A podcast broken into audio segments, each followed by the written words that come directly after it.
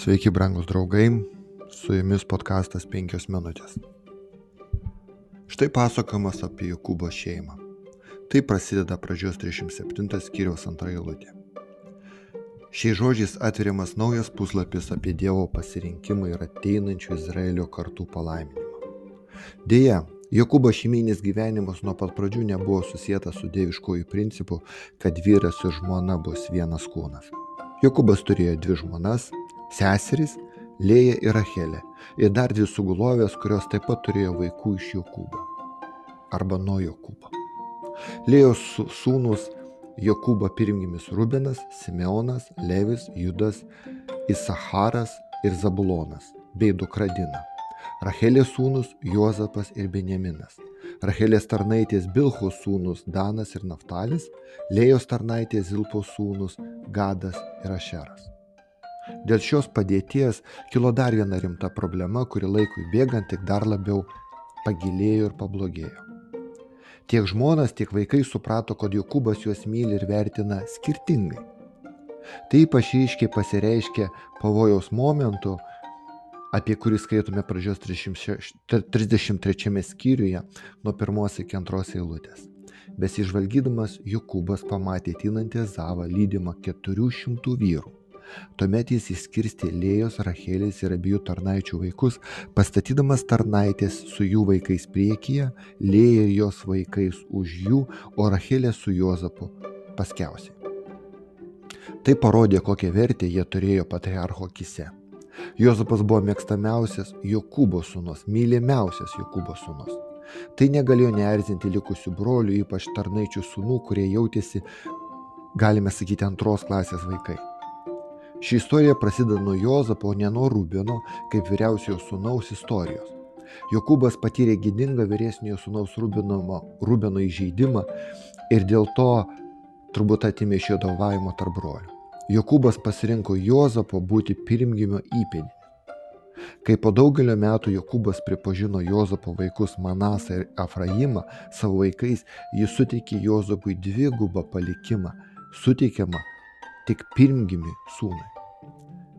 Pradžios 307.3 skaitome. Izraelis mylėjo Juozapą labiau už bet kurį kitą savo vaiką, nes šis buvo jam gimęs senatvėje. Jis buvo jam pasiūdinęs puošnų apdarą su rankovėmis. Jokūbo teigiama pirmenybė Jozufui pasireiškia specialiais drabužiais, kuriuos jis pasiūlo jam. Biblijoje tokie drabužiai dar kartą paminėti kalbant apie karališką šeimos asmenį Dovido dukterį Tamarą.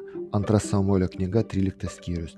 Ji buvo apsivilkusi tuniką ilgomis rankojomis, nes tokiais drabužiais ankstesniais laikais vilkėdavo karaliaus mergelės dukterys. Šio gestu Jokūbas tarsi parodė visiems kitiems savo vaikams, kas, jų, kas bus jų vadovas po patriarcho mirties. Natūralu, kad šie Jokūbo ir Jozapo santykiai sukėlė neapykantą Jozapui iš brolių pusės, kurie taip pat norėjo pajusti savo tėvo meilę.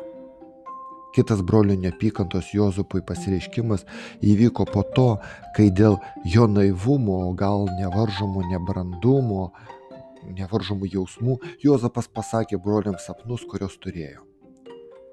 Pradžios 37 skyriuje parašyta. Paklausykite, kokį sapną sapnavau, sakė jis jiems. Mes rišome laukia pėdus. Staiga mano pėdas atsistojo ir stovėjo, o jūsų pėdai susirinko aplink ir žemai nusilinkė mano pėdui. Jo broliai atsakė, be neketinė tapti mūsų karaliumi. Be ne iš tikrųjų ketinimus valdyti. Dėl kalbų apie sapnus jie ėmė dar labiau jo nekesti. Jis sapnavo dar vieną sapną ir papasakojo jį savo broliams tardamas. Štai sapnavau dar vieną sapną. Saulė, minulis ir vienuolika žvaigždžių man lenkėsi. Bet kai papasakojo jį savo tėvui ir broliams, tėvas apibarė. Kągi reiškia tas tavo sapnas? Ką susapnavai? Negi mes, aš pats, tavo motina ir tavo broliai turėsime ateiti ir nusilenkti tau lygi žemės? Broliai jam pavydėjo, bet ir tėvas šio įvykio negalėjo užmiršti. Visi žino, kaip rytuose labai gerai suvokiama jaunesnio amžiaus asmens nepagarba ir įsiaukštinimas vyresniųjų atžvilgiu. Broliai negalėjo pamiršti šio įžeidimo ir netrukus pardavė Jozapą vergų į Egiptą. Apa. Ir norėdami paslėpti tai, ką padarė, Jie ištepė oškos krauju jos padrabužius ir visą tai parodė, atnešė Jokūbui, parodė, tarsi laukinis žvėris būtų sudraskęs Juozapą. Drabužiai anksčiau skiriantis Juozapą nuo brolių dabar tapo karčiu jo mirties priminimu, prisiminimu.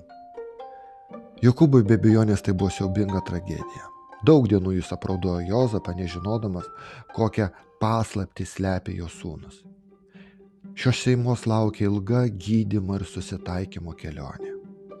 Ši istorija, mėly draugai, taip pat įspėja mus apie pavojingą mūsų tėvų norą mylėti tik tos pasirinktus vaikus, mums patinkamus vaikus. Ir užmiršimą, kad tokio požiūrio pasiekmės bus sunkios ir dažnai jos būna negryžtamos. Su jumis buvo podkastas 5 minutės.